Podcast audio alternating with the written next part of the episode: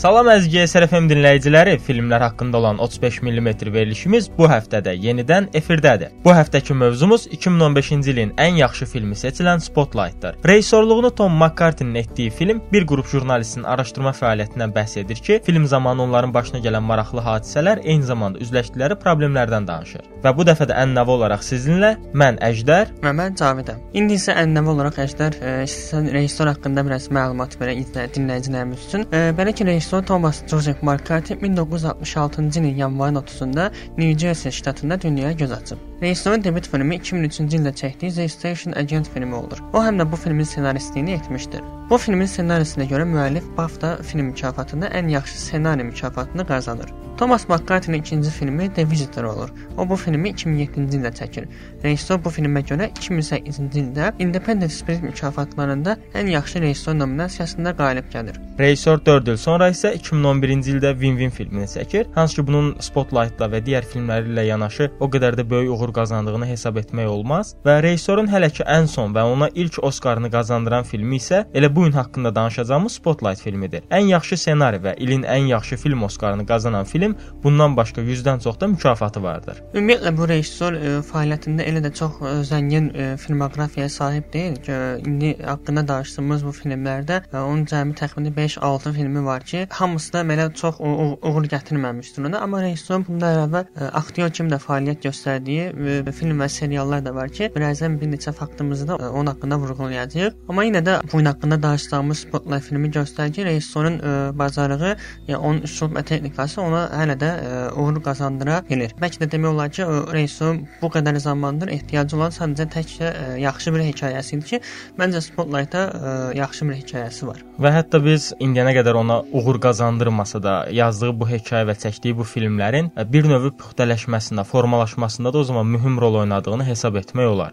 Hansı ki, son nəticə olaraq son məhsulda Spotlight oldu və ona 2 Oskar qazandırdı və bundan da əlavə də 100-dən çox da mükafat qazandırdı. Bu baxımdan Spotlight filmi rejissor üçün uğurlu oldu hesab edə bilərik. O həm də bu filmin ssenarist e, heyətində də rol alıb ki, e, iki nəfər yazıblar ssenarini və e, ssenaristlərdən biri də Thomas McCarthy. Rejissorun qısa filmoqrafiya fəaliyyəti ilə bağlı haqq verdiyimiz qısa məlumatdan sonra indi isə keçək filmin mövzusundan biraz danışmağa. Və filmin mövzusuna keçid etməmişdən qabaq Cavid, sənə filmlə bağlı bir sual vermək istəyərdim ki, film səndə hansı təəssüratları yaratdı? Nəyə görə bu dəfə sualı artıq mövzunun gedişatı vaxtı yox, düz əvvəldə verirəm? Çünki mövzu birbaşa olaraq ixtisas olaraq bizə aiddir. Jurnalistikaya aiddir və ə, sən filmdə nə gördün? Sənə nə təsir bağışladı film? Təşəkkür edirəm Məcdə sualın üçün. Filmi ə, Oskar mükafatlarından əvvəl haqqında çox eşitmişdim, amma həm müsbət, amma müsbətdən daha çox mənfi rəylər eşitmişdim ki, yəni belə bir film çox ə, ucuz, sadədir, yəni bir çox böyük bir yükü yoxdur, amma niyə belə çoxlu mükafatlar qazanır və üstəlik Oskarın ən yaxşı film mükafatına da namizəd olub. Mən ə, filmi Oskar mükafatlarına Onlardan çox e, biraz sonra izlədim. Artıq o qalib olmuşdu ilin filmi və ən yaxşı ssenarisi.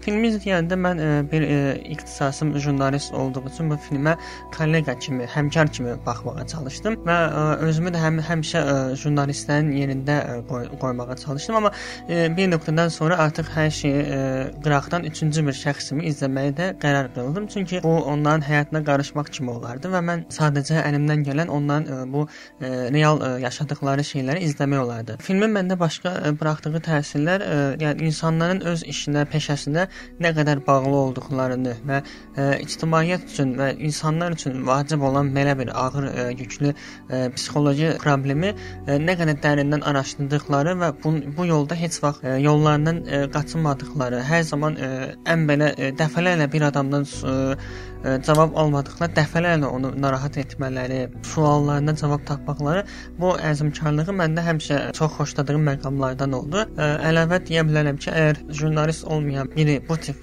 film izləsə, məncə gələcək karyerasında bir, ən azı jurnalist jurnalistin dəyərini başa düşəcək və bəlkə də o bu filmi izləyəndən sonra kəşf mən də jurnalist olardım və cəmiyyət üçün maraqlı belə yükü olan bir problemləri araşdırıb onlara çatdıra bilərdim. Ya da tam fərqli olaraq filmdən heç nə başa düşməyəcək, sadəcə olaraq ə, bir növ jurnalistiyə, jurnalistlərin sırf məqsədlərinə çatmaq üçün orada gördükləri səhnənin yalnızca narahatçılıq, insanların şəxsi həyatını açmaq, necə ki bu filmdə də bir çox məqamda qarşımıza çıxır ki, siz sadəcə olaraq bunun haqqında yazdınız, sonra itib batırsınız. Orada belə bir dialoq olmuşdu. Yəni bəlkə də filmi e, jurnalistikadan həqiqətən anlayışı olmayan bir adam, bu peşəni ağlında təsəvvür edə bilməyən adam üçün film bəlkə də o qədər təsirli olmayacaqdı. Bu məqamda tamamilə haqlısan ki, ixtisasca ə, e, həmşər olaraq yanaşdığımız üçün məsələyə film bizim üçün daha doğma və səhnələr də kifayət qədər real gəldi. İndi isə keçək filmin qısa mövzusuna. Filmin mövzusu Boston Globe kimi nüfuzlu qəzetin jurnalistlərinin araşdırmasından bəhs edir. Qəzetin Spotlight bölməsinin jurnalistləri 1970-82-ci illərdə uşaqlara cinsi zorakılıq edən çoxlu rahibi 2002-ci ildə işıq üzünə çıxardırlar. Spotlight adlı adını çəkdiyimiz bu bölmə qəzetin xüsusi bir bölməsidir və özlərinə aid xüsusi otaqları vardır. Və hətta onları xüsusi edən başqa bir cəhət isə Spotlight komandası həmişə araşdıracaqları mövzunu özləri seçir.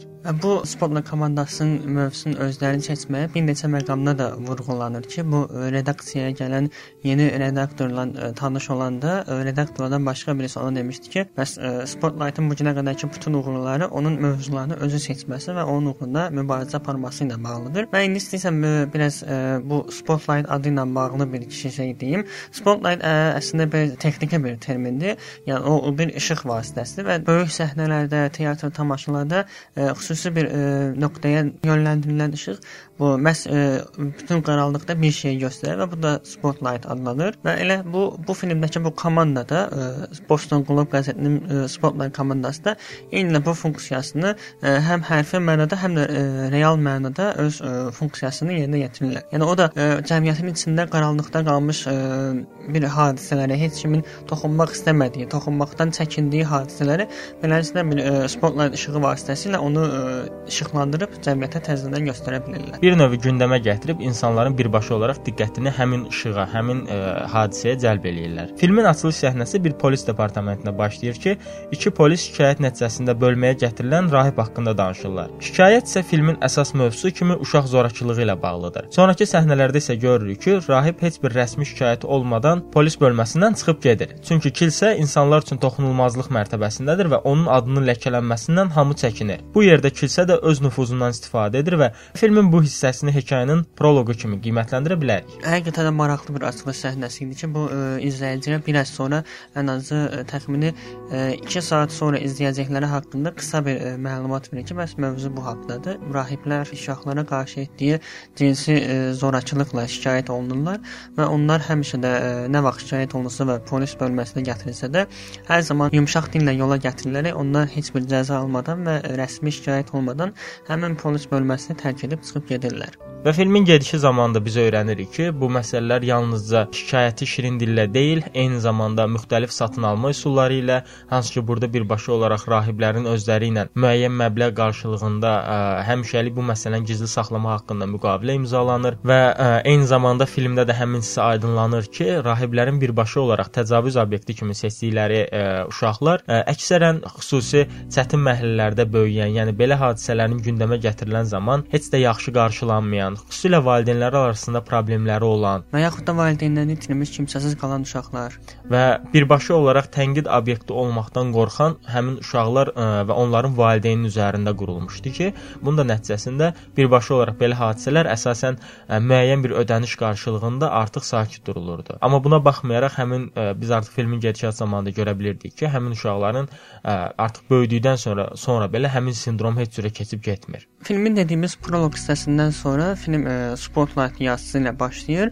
və bu başlanğıcda redaksiya 20 ildən çoxdur stajı olan yaşlı bir jurnalistlə sağollaşdığı bir səhnəni görürük. Bu məqamda baş verən söhbətlərdə aydın olur ki, qəzetin əsas, yəni baş redaktoru yoxdur və yeni birinin gəlməyini gözləyirlər və bu yeni biri də Boston ərazisindən qıraqdan Miami-dən gələn bir jurnalist olacaq və həqiqətən də ə, e, bu hamımız üçün bir ə, e, yeni gələn bir adamı biz də ə, onlar onlarla bir yerdə gözləyirik. Belə ki, yeni redaktor gəlir və o gələndən sonra ə, ə, standart olaraq jurnalistlərin həmişə toplaşdığı bir iclasını keçirdir və ə, bu iclasda qəzetin gündəmində olan məsələləri müzakirə edirlər. İclasın sonunda isə ə, hamıya qulaq asan ə, yeni gələn redaktor Marty Baron ə, əvvəllər qəzetdən yayımlanmış iki xəbəri yenidən gündəmə gətirməyə qərarına gəlir. Xəbər ə, keçmişdə baş verən kilsə rahiblərinin uşaqlara etdiyi cinsi zorakılıq haqqında idi və Marty düşündü ki, bu mövzu haqqında sadəcə iki xəbər yazmaq çox azdır. Elə iclas vaxtı jurnalistlər tərəfindən də qələmə qarşılanan bu adama e, ondan sual verirlər ki,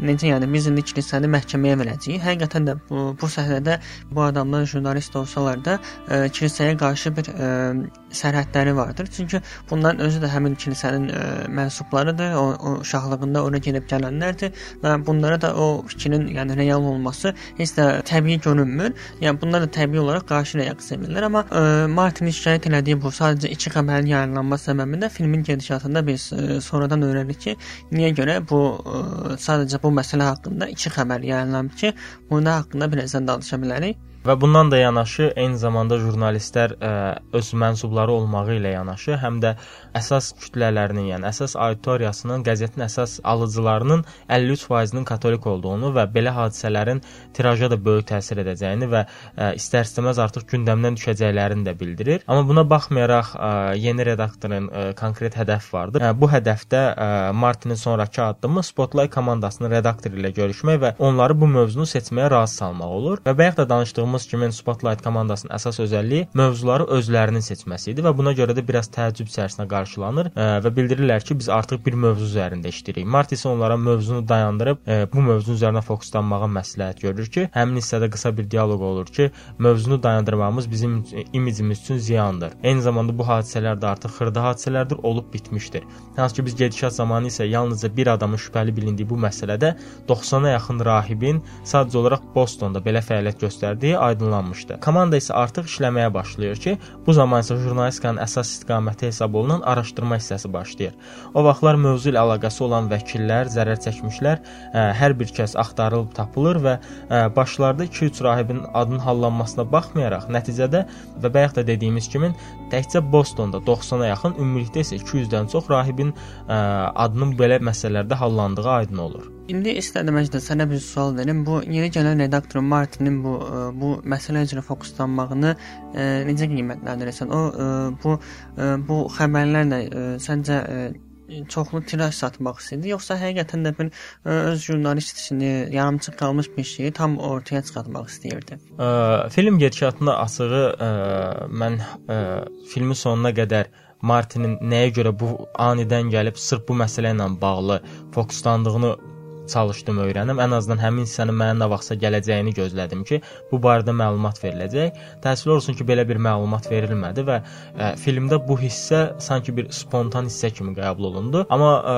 e, filmdən öncə də səninlə müzakirə edəndə demişdim, mənim fikrimcə ə, e, burada ehtimallardan biri o idi ki, hə, filmdə hadisələr 26 il əvvəl olmuş, yəni 70-82-ci illər arasında olmuş ə, hadisələrin 2002-ci ildəki təzahürü idi. Ehtimallardan biri o idi ki, ə, mənim fikrimcə həmin katolik kilsəsində təcavüz təcavüzə uğrayan uşaqlardan biri də Martinin özü olmuşdu. Və bunu da nə ilə əsaslandıra bilərəm? Çünki filmdə tez-tez onun yəhudi olduğu deyilirdi və yəhudini adamın katolik kilsəsində nə işi var? Bu haqlı olaraq fikirləşiləcək bir mövzudur, amma bu ada xüsusilə fokuslanmaq, çünki Floridadan gələn yəhudi məsələsinə xüsusilə fokuslanmaq bir növ əslində fikir yayındırmaq da ola bilərdi. Hansı ki, özü bu imicini qorumaq və məsələnin sırf şəxsi deyil də cəmiyyət tərəfindən yanaşıldığını göstərmək üçün əslində film boyu özünün elədiyi bir oyun ola bilərdi. Mənim ağlımda belə bir ehtimal ə, hesablandı. Çünki jurnalistika şəxsi mənafeyini qoruyacağın bir sahə deyil, daha çox cəmiyyətə fokuslanmalısan. Və bu vəziyyətdə onun əslində katolik kilsəsinin əvvəl təcavüzə uğradığı biri olduğu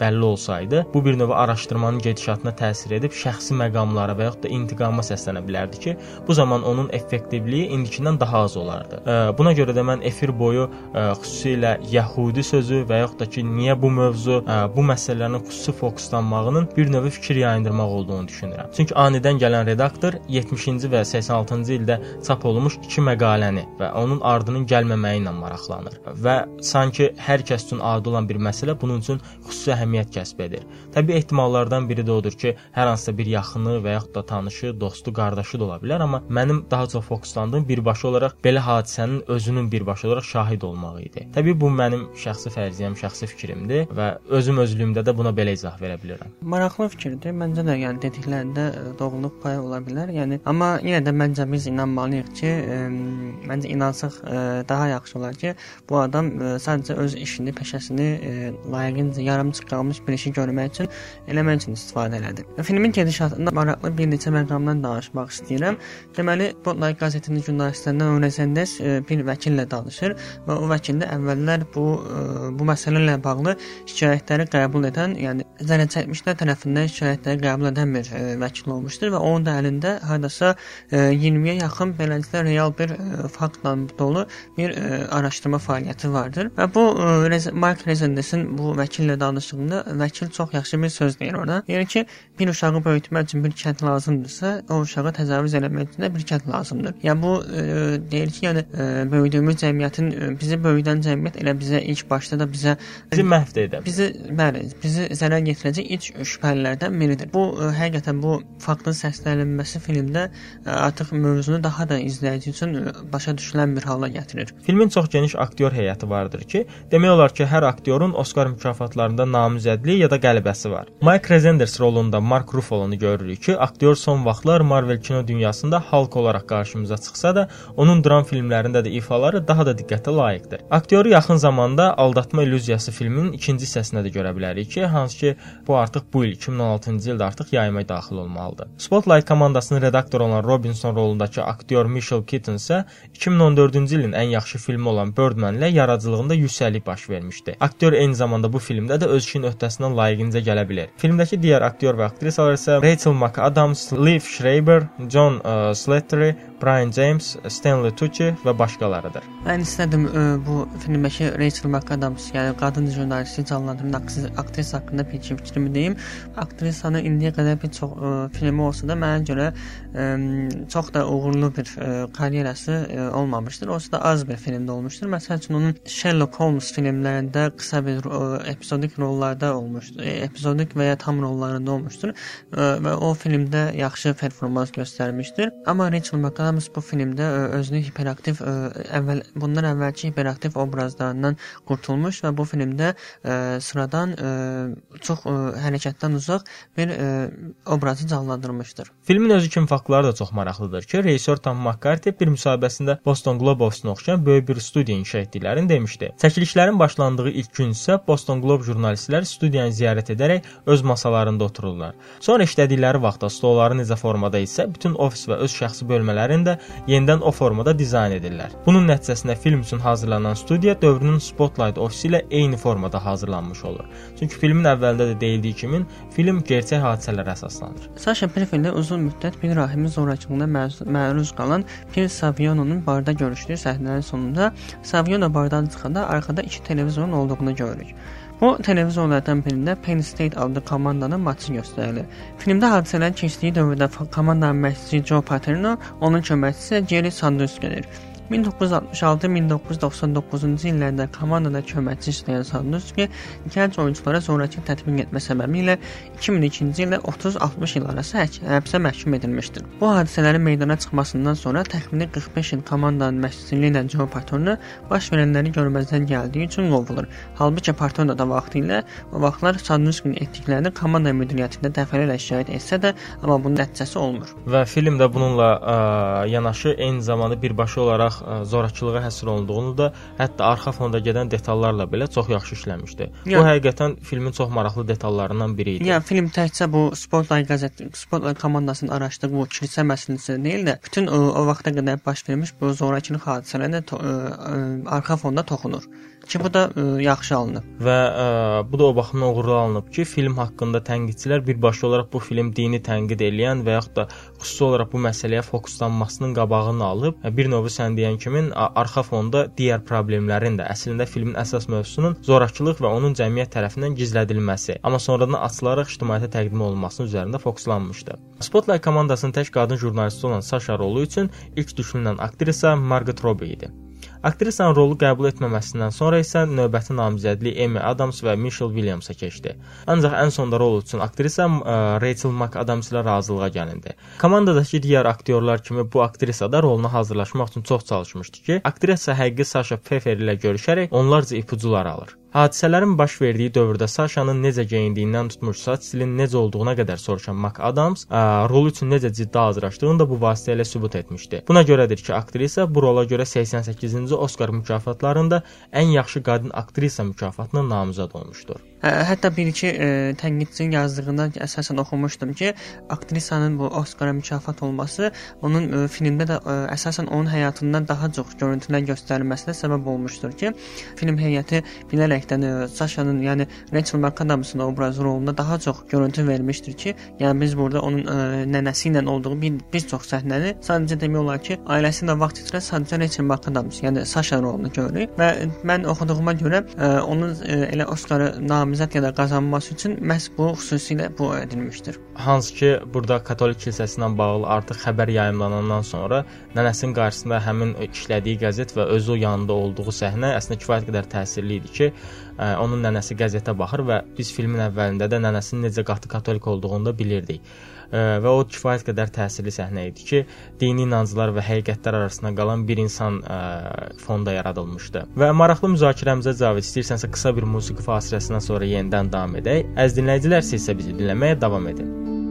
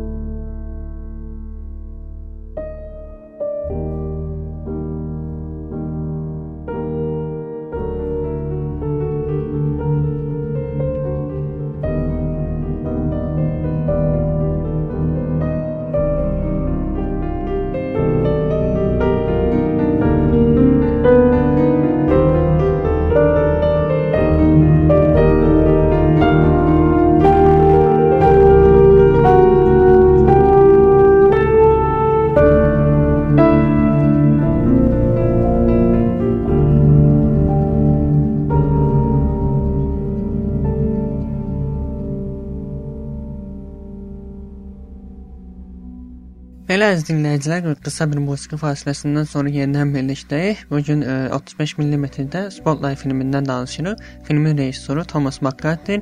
Qeyd edim ki, film 2016-cı ilin e, Oskar mükafatlarında 2015-ci ilin ən yaxşı film və ən yaxşı ssenarisi ssenari mükafatlarını qazanmışdı. Faktlara qaldığımız yerdən davam edək. Film boyunca xırda detallardan biri də jurnalistlər mavi, redaktorlar qırmızı, bosslar isə qara qəlimdən istifadə edirlər. Ya bu da ə, e, film üçün maraqlı, həm də filmin da ə, e, redaksiya daxilindəki hər ə, vəzifələri bir-birindən ayırd, ayırd edən yaxşı detallardan biridir, amma ə, əmin deyiləm. Ya həyatda da sırf buna uyğun hərəkət edirlər, yoxsa sadəcə film üçün düşünülmüş bir şeydir. Filmdəki Boston Katolik kilsəsi hadisələri ilə ABŞ tarixinin ən böyük qalmaqallarından biri olan Watergate arasında maraqlı bir əlaqə var. 1968-ci ildə 1991-ci ilə qədər Washington Post qəzetində baş redaktor işləyən Watergate qalmaqalının araşdırılmasına xüsusi rol oynayan jurnalist Ben Bradley idi. Bu adam eyni zamanda Spotlight komandasına redaktorluq edən və kilsə qalmaqalının ortaya çıxdığı zaman Boston Globe-da işləyən Ben Bradley Juniorun atasıdır. Burada Ben Bradley o həmişə ə, e, Robinson yanında olan ə, e, ağsaçlı yaşlı kişidir. Ya o, o bu həmin o ə, e, Watergate hadisələrinin aşkarlanmasında ə, çıxan ə, ə, jurnalistin ə, oğludur.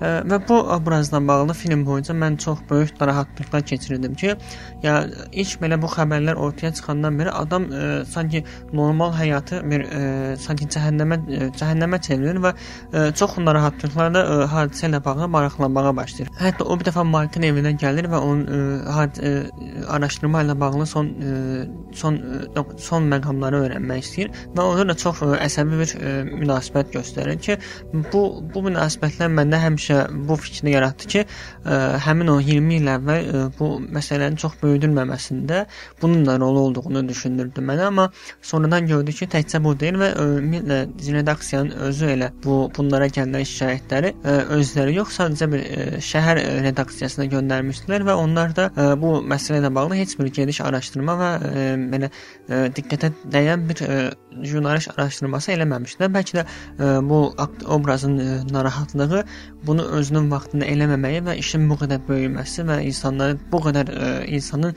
e, çətin vəziyyətə düşməyinə bir növ özünün də səbəb olduğunu düşünməsidir. Ə, və bu da əslində obrazın necə jurnalistikanı sevən və cəmiyyətə faydalı ə, olmaq istəyən bir insan olduğunu göstərir və eyni zamanda bu obraz, yəni Ben Bradley obrazı Spotlight filmi ilə bir başqa tərəfdən də əlaqələnir. Bayaq haqqında danışdığımız Watergate qalmaqal da film mövzusu olmuşdur və bu film 1976-cı ildə rejissor Alan Pakula tərəfindən çəkilmişdi. 4 Oskar qazanan All President's Men, yəni Prezidentin bütün adamları filmində Ben Bradley obrazını canlandıran aktyor Jason Robards da Oskar qazanmışdı. Və ə, e, Spotlight filmində isə Walter Robinsonu canlandıran aktyor Michael Keaton isə roluna görə ilham almaq üçün Robertson bu filmdəki ifasını izlədiyini demişdi. Və Spotlight filmində eyni zamanda Prezidentin bütün adamları filminin bir qolu kimi də başa düşmək olar xırda bir məlumat da verelim ki, prezidentin bütün adamları ə, e, həmin bu Watergate hadisələrini canlandıran ə, e, bir e, qalmaqalı qalmaqaldan bəhs edir və bu da real real hadisələr əsasında çəkilmişdir və hətta bu araşdırmanın nəticəsi prezident Nixonun ə, özünün ə, vəzifədən istifa etməsinə qədər gətirib çıxartmışdır. Michael Keaton ilə bağlı başqa bir maraqlı faktla davam edək. Bu aktyor tərəfindən canlandırılan Walter Robinson bacarıqlı aktyoru görəndə belə demişdi: "Güzgüdə özünə baxmaq kimidir. Sadəcə güzgüdəki görünüş görüntünün nəzarəti sizdə deyil. Ona görədir ki, Keaton Robinsonu daha yaxşı tanımaq üçün olduqca əmək xərcləmişdi və rolu qəbul edən kimin hələ Robinsonla tanış olmamışdan əvvəl onu araşdırdı və bir-birlərinə yaxın ərazidə olduqlarını da öyrənmiş oldu. Daha sonra Robinsonun səsini və görüntülərin olduğu səs və video yazılarını axtarıb tapmış və və bu səbəblə ilk görüşdüklərində Keaton Robinsonu biraz qorxutduğunu belə hiss etmişdi. Robinson ona belə sual vermişdi ki, haqqımda bu qədər çox şeyi necə bilirsən? Biz ki incə tanış olmuşuq və sonrakı mərhələdə Robinson Keaton haqqında bunları deyir. Şəxsiyyətim qaçırılmış kimi hiss etmişdim. Əgər Michael Keaton bir bank soysa, polis dərhal məni həbs edərdi. və bu cürə imitasiyalar əslində ə, aktyorun necə öz obrazına və filmə ciddi yanaşmağı və ə, bir növ aktyor obrazının ə, düzgün seçilməsini də göstərmişdir ki, ə, və bu baxımdan həm Michael Keaton, həm də Sasha kifayət qədər öz üzərinə düşən öhdəliyi yerinə yetirmiş hesab oluna bilərlər. Çox maraqlı faktlardan biri də budur ki, bütün bu hadisələrin ardınca film artıq yayınlanmışdır yayımlanıb bitdikdən sonra bir gün Keaton, yəni aktyor ilə Robinson ə, bir otelin barında görüşdülər və bu görüş zamanı ə, aktyor ə, əsl Robinsona deyir ki, bəs bilirsən sən elə də çox Boston aksentin yoxdur. Bu da həqiqətən gülməli bir faktdır. Yəni təsəvvür et sən ə, sən ə, canlandıran bir aktyor gəlib sənə deyir ki, bilirsən əslində sənin çox da Boston aksentin yoxdur. Yəni bu bir, bir növ o o adamın səndən daha çox Bostonlu olmasını göstərir ki, bu da həqiqətən gülməli, maraqlı bir faktdır. Bu vaxta qədər ə, aktrisa Rachel McAdams və aktyor ə, Michael Keaton'ın öz rollarına hazırlaşdığı üçün böyük yollardan keçdiklərini gördük və bu filmdə ə, öz rolları üçün hazırlaşmadan çətin prosesdən keçən təkcə bunlar deyil, bir başqa aktyor da vardı ki, bunlar üçün ə, öz rolu üçün çox böyük bir əmək xərcləmişdir. Bunlardan biri də ə, aktyor ə, Mike Rezendersi canlandıran Mark Ruffalo'dur. Belə ki, aktyor ə, filmdə canlandırdığı obrazın həqiqi sahibi olan Michael Rezendersi ilə tanış olmaq üçün onun evinə gələndə əli boş getməmişdir. Belə ki, o Rezendersin səsini yazmaq və danışığındakı xüsusi tərzləri qeyd etmək üçün dəftər və iPhone-da apararaq ə, onun yanına getmişdir. Hətta ə, mimikalarını müşahidə etmək üçün Rezenderdən birinə qışqırıb, birinə qışqırmaqda qulaq asa bilərəmmi deyə bir sual verilmişdi ki, ə, bu da məncə, ə, yəni aktyorun öz ə, e, canlandırdığı obrazın ə, e, onun ə, e, kiməsə əsəbləşən halda necə bir təsir ə, göstərdiyini, necə bir reaksiya verdiyini də daha yaxşı başa düşmək üçün ondan mələcə bir xahiş eləmişdi. Və bu məncə bu qışqırığı da öyrənməyin əsas səbəbi filmin gedişat zamanı, yəni filmin sonuna yaxın Rezendensin materialın yayımlanması ilə bağlı öz redaktoru arasında baş verən mübahisədə xüsusi rolu oldu ki, ə, materialı çox gecikdirdiklərini və artıq belə yayımlasalar daha uğurlu olacağını, yoxsa başqa qəzetlərin də bunu oğurlayacağını olacaqlarını bildirmişdi ki, həmin zamanı anlaşılmazlıqlardan qaçmaq üçün və yaxud da artıq daha dərin anlaşılmazlıqlara düşdüyü üçün ə, bir növ qışqırıb öz əsəbini ifadə etmişdi. Bu baxımdan onun qışqırığını artıq ə, bir növ təsəvvür etmək olardı. Ya belə də o, onun yəni obrazdan istədiyini məncə e, kifayət qədər yerində göstərə bildi bu filmdə də. E, bundan başqa Rezenes e, Ruffalo haqqında da bu sözləri demişdi. Həyatımın 5 ayını yenidən canlandıran mikrofonu izləmək əyləncə evlərindəki bir yüzüyə baxmaq deməkdir. Eyni zamanda Ruffalo demək olar hər xırda fasilədə öz sözlərini rezəndəsi tetizdirirdi, də, dəfələrlə bunu təkrar etdirirdi ki, yəni burada da yenə də onun ə, canlandır onun, özünün canlandıracağı sözləri əslində ə, real həyatdakı ə, rezəndəs necə deyər deyə onu ə, yaddaşında saxlamaq istəyirdi. Bundan başqa ə, filmdəki ə, filmdəki bir beyzbol oyunu səhnəsində həqiqi ə, Michael Rezenders də arxa fonda ə, orada izləyicilər tərəfindən izləyicilərin arasında görünür. Michael Rezenders rolu üçün Mark Ruffalo-dan əvvəl Matt Damon da bu rol üçün düşünülmüşdü. Ruffalo bu filmlə Akademiya mükafatının ən yaxşı köməkçi aktyor nominasiyasına namizəd olur və Damon isə həmin il Marslı filmi ilə tamaşaçılarının qarşısına çıxır. Hansı ki, o bu filmlə Oskarda ən yaxşı aktyor nominasiyasına namizəd olur. Məncə yaxşı ki, belə ə, Mark Ruffalo seçilib Damon yerinə. Ə, mən Mark Ruffalo-nu Damon-dan daha çox bəyənirəm. Bundan başqa isə Mark Ruffalo-nun dediyinə görə Boston Globe-da bu qalmaqallığı araşdıran ə, jurnalistlərin əksəriyyəti Roman katolikləri idi. Və bu da əslində çox böyük cəsarət tələb eləyir ki, ən azından cəmiyyətə qarşı yox, özünə qarşı böyük bir dürüstlük və e, cəsarət tələb eləyir ki, e, özün üçün tabu olan və dəyər dəyər əhəmiyyət kəsb edən bir şeyin ə, e, araşdırmasına və onun mənfi tərəflərini gözə almağı ə, hazır olasan. Və bu bir jurnalist üçün və ya ümumiyyətlə bir jurnalist üçün kifayət qədər böyük uğurdur. Yəni burada da əslində bu ə, e, jurnalist peşəsinin əslində nə qədər ə, e, insanın öz maraqlarını deyil də cəmiyyətin maraqlarını düşündüyünü göstərir ki, baxmayaraq ki, bu adamların ə, e, yəni mikrofonda dediyi kimi qəzetin işçilərinin əksəriyyəti katolik olmasına baxmayaraq katolik kilsəsinin ə, belə bir qalmaqallı hadisəsini araşdırmaq üçün ə, ə, qollarını çirmələyir və ə, dərin bir araşdırma ilə ə, hər şeyi gün işığına çıxardırlar. Film çıxandan sonra hələ də Spotlight-da işləyən tək jurnalist ə, Michael Rezenders idi. Bu isə digər bir maraqlı fakt idi. Blacklist adlı bir portal vardır ki, burada film ssenariləri paylaşılır və 2013-cü ildə Spotlight filminin ssenarisi də bu portalda paylaşılıb. Və filmin ssenarisi ilin ən çox bəyənilən ssenarisi olur. Filmin rejissoru Tom Banks televiziya serialının The Wire, yəni Naqil Məftin deyə tərcümə edilmiş bir televiziya serialında saxtakar bir jurnalisti canlandırırdı. Bu da həqiqətən bir ironiyalı bir hadisədir ki, əsl jurnalist peşəsindən bəhs edən bir hekayəni çəkən rejissor e, əvvəllər bir televiziya serialında saxtakar bir jurnalisti canlandırıb. Dediyimiz kimi e, Spotlight jurnalistlərinin əksinə serialdakı obraz hekayələr və xəbərlər uyduraraq nəticədə Pulitzer mükafatını qazanır. Spotlight-ın maddi baxımdan çox maraqlı bir faktı vardır ki, Spotlight filmi çox az gəlirlə ən yaxşı film Oskarını qazanan filmlər arasında ikinci yerdədir. 20 milyon dollar büdcə ilə çəkilən film təxminən 39 milyon dollar gəlir gətirir və Spotlight-dan daha az büdcə ilə çəkilən və 2008-ci il istehsal olan The Hard Locker filmi isə bu siyahıya birinci olaraq davam edir. Spotlight filmi eyni zamanda on, onun rejissorundan başqa onun e, onu çəkən prodüser şirkətinə də uğur, qazandıran bir film olmuşdur. Belə ki, ə, e, Open Road film şirkətinin prodüserliyi etdiyi bu film bu şirkətin istehsalı olan və ona ilk Oscar qazandıran film olmuşdur. Ən yaxşı film Oscar mükafatını qazanıb böyük nailiyyətlər əldə edən Spotlight bu mükafatla da tarixə keçir. Film ümumilikdə 3 mükafat qazanmadan ən yaxşı film mükafatını qazanan ikinci film olur. Bunun kimi ilk film isə 1952-ci il istehsalı olan Greatest Show on the Earth idi. Spotlight bu ilki Oscar mükafatında ən yaxşı filmlə yanaşı ən yaxşı orijinal ssenari mükafatını da qazanır. Qazandığı iki mükafatla illərdir ən yaxşı filmlərin qazandığı 3 mükafat qaydasını da pozmuş olur. Yəni bu günə qədər bir demək olar ki, bir Oscar mükafatlarında bir tabu var idi ki, əgər bir film ən yaxşı mükafat verir, ən yaxşı film mükafatını qazanacaqsa, onun ən azı bir 3 fərqli nominasiyada bir mükafatı olmalı idi, amma e, dediyimiz kimi, dediyimiz kimi bu filmdə bu tabunu yıxan bir filmlərdən olmuşdur. Bundan əvvəlki efirlərdə danışdığımız e, V for Vendetta və Truman Show filmlərini burada xatırlamaq istəyirəm. E, yəni bu filmlərdə də biz həmişə medianın insanlar üstündə çoxlu gücünü gücünü olduğunu görürük, amma bu filmlərin bu Spotlight filmindən fərqi sadəcə e, və əsas böyük bir fərqi Spotlight filmində medianın gücü sırf tamamilə cəmiyyətin xeyrinə xeyri üçün istifadə olunur. Yəni V for Vendetta və Truman Show filmlərində insanları aldatmaq, onlara fərqli fərqli bir e, ideologiya e, çəkmək üçün istifadə olunsa da, Spotlight e, sırf real hadisələr əsasında e, çəkilmiş və e, böyük bir qalmaqala səbəb olan katolik kilsəsinin rahiblərinin e, gün işığına çıxardan bir araşdırma e, materialı olmuşdur və bu filmi e, kiçik bir e, sənədli e, film kimi də e, qeydə almaq olar və bir çox portallarda da bu film sırf bu xüsusiyyətinə görə mənfi rəylər almışdı ki, bu yəni sadəcə bir televiziya televiziyada da vermək olardı, amma bunun niyə e, o Oscara qədər girib, girib çıxdığı və mükafat qazandığını ə, e, başa düş qəbul eləməyəndə çoxlu böyük bir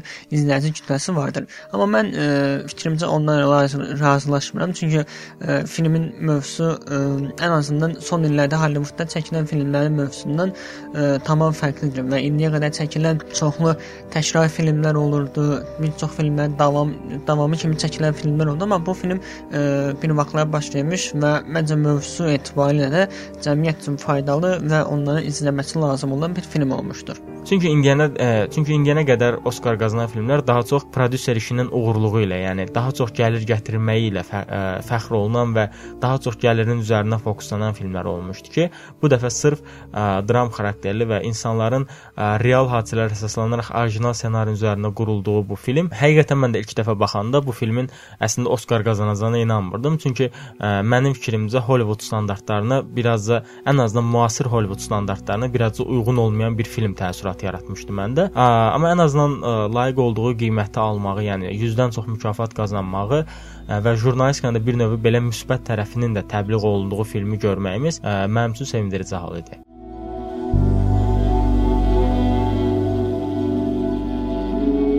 Elə əziz dinləyicilər, bu günlük də bizə ayrılan vaxtın sonuna gəldik. Bu dəfəki efirimizdə sizinlə medianın gücünü müsbət formada göstərə bilən Spotlight filmindən danışdıq.